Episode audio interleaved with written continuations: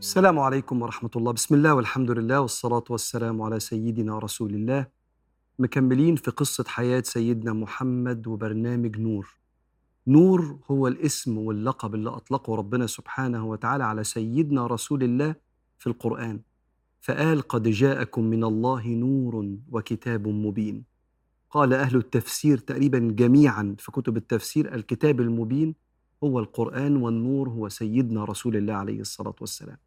لأن الناس كانت عايشة في ظلمات الجاهلية والشرك بالله وعبادة الأصنام ويأكل القوي الضعيف وفي إساءة للجوار وقطع للرحم ومفيش أي خط مستقيم عايشة عليه البشرية لأن البشرية رفضت الوحي.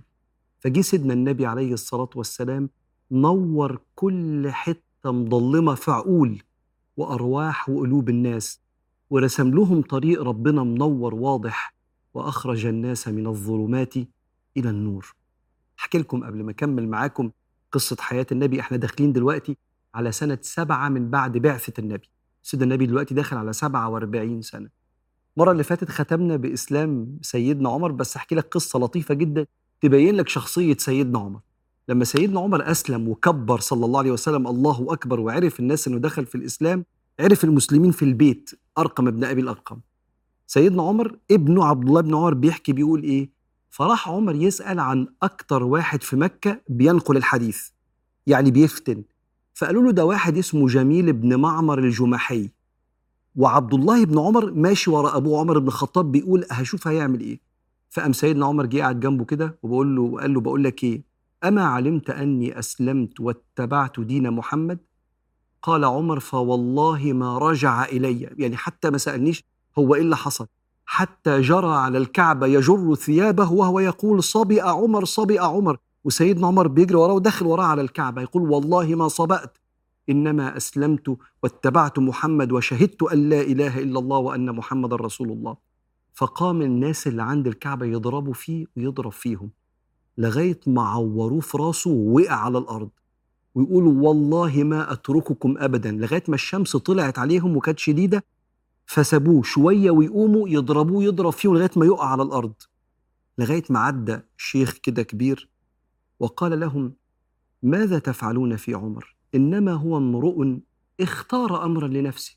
الرجل اختار يبقى مع النبي عليه الصلاة والسلام ثم انصرف. قال فقام الناس عنه كأنهم ثوب كشط عنه فمن كتر الزحمة والضرب فجأة كلهم سمعوا كلام الراجل ده واختفوا عنه كأن واحد قلع ثيابه كده بعدوا عنه كده. فسيدنا عمر يقول له هو مين ده؟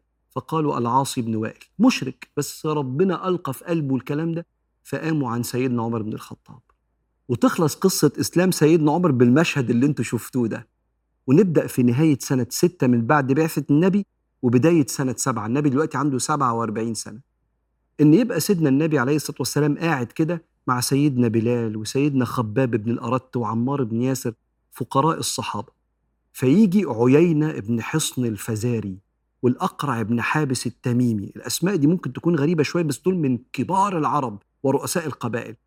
يجوا يزوروا النبي يسمعوا عن الإسلام يلاقوا الفقراء دول قاعدين. فيقولوا لسيدنا النبي عليه الصلاة والسلام هلا جعلت لنا مجلسا بعيدا عن هؤلاء الفقراء والعبيد حتى تعرف العرب بمجلسنا معك؟ لو حد من العرب جه دخل علينا وإحنا قاعدين مع الغلابة دول يقولوا علينا إيه؟ فياريت تطردهم وتخلي لنا مجلس لوحدنا. فنزل القرآن. ولا تطرد الذين يدعون ربهم بالغداة والعشي يريدون وجهه. ما عليك من حسابهم من شيء وما من حسابك عليهم من شيء فتطردهم فتكون من الظالمين. وكذلك فتنا بعضهم ببعض ليقولوا أهؤلاء من الله علينا عليهم من بيننا؟ أوليس الله بأعلم بالشاكرين؟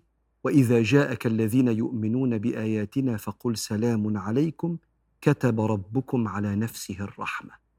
فرفض النبي عليه الصلاة والسلام أن يطرد الغلابة عشان الأغنياء يقعدوا مع النبي. والقرآن بآياته الجميلة ما تطردش الغلابة علشان الأغنياء يرضوا لأن ده كبر وعنصرية وتفريق والإسلام ساوى ما بين الناس. وكان كل ما سيدنا النبي عليه الصلاة والسلام يشوفهم جايين يقول السلام عليكم كما أمرني ربي وإذا جاءك الذين يؤمنون بآياتنا فقل سلام عليكم كتب ربكم على نفسه الرحمة. وفي يوم من الأيام جه سيدنا النبي يقوم من القعدة بتاعتهم فنزل القرآن تاني واصبر نفسك مع الذين يدعون ربهم بالغداة والعشي يريدون وجهه ولا تعد عيناك عنهم تريد زينة الحياة الدنيا. ولا تطع من أغفلنا قلبه عن ذكرنا واتبع هواه. وكان أمره فرطا. وقل الحق من ربكم. ده ديننا وده إسلامنا اللي بيكرم الجميع وبيقبل الغني والفقير والمتعلم والبسيط. وقل الحق من ربكم. فمن شاء فليؤمن ومن شاء فليكفر. وكأن القرآن بينزل بردا وسلاما على البسطاء.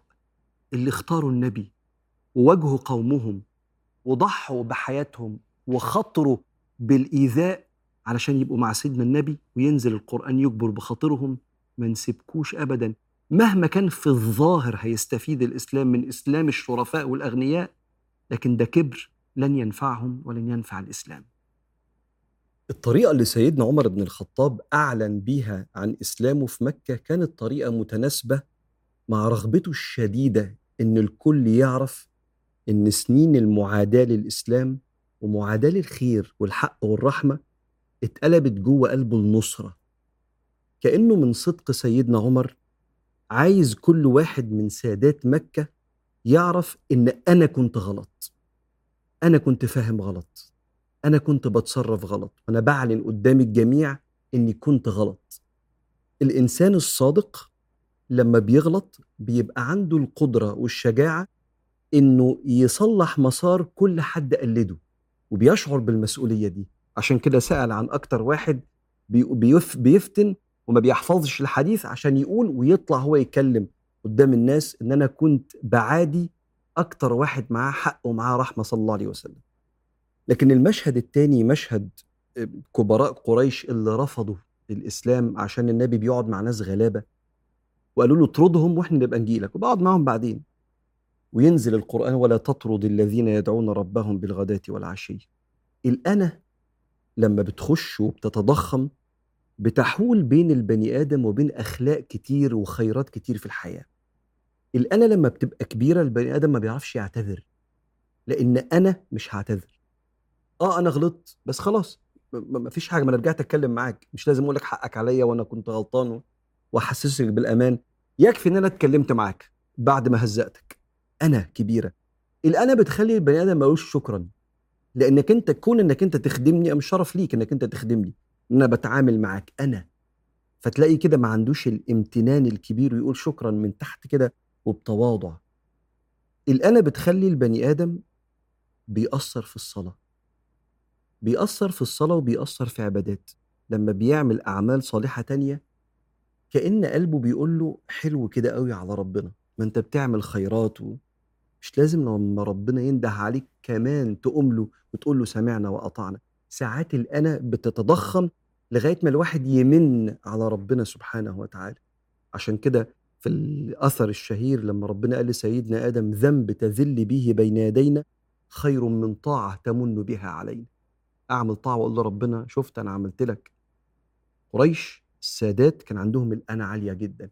فحالت بينهم وبين الحق اللي مصدقينه بس ما نقعدش مع ناس غلابة. اطردهم بعدين إحنا هنشرف مجلسك. لا ده مجلس النبي عليه الصلاة والسلام يشرف أي حد ونخش نقعد مع سيدنا النبي نمشي في طريق النبي ايا كان ماشي لأن كل الناس ولاد آدم وآدم من تراب.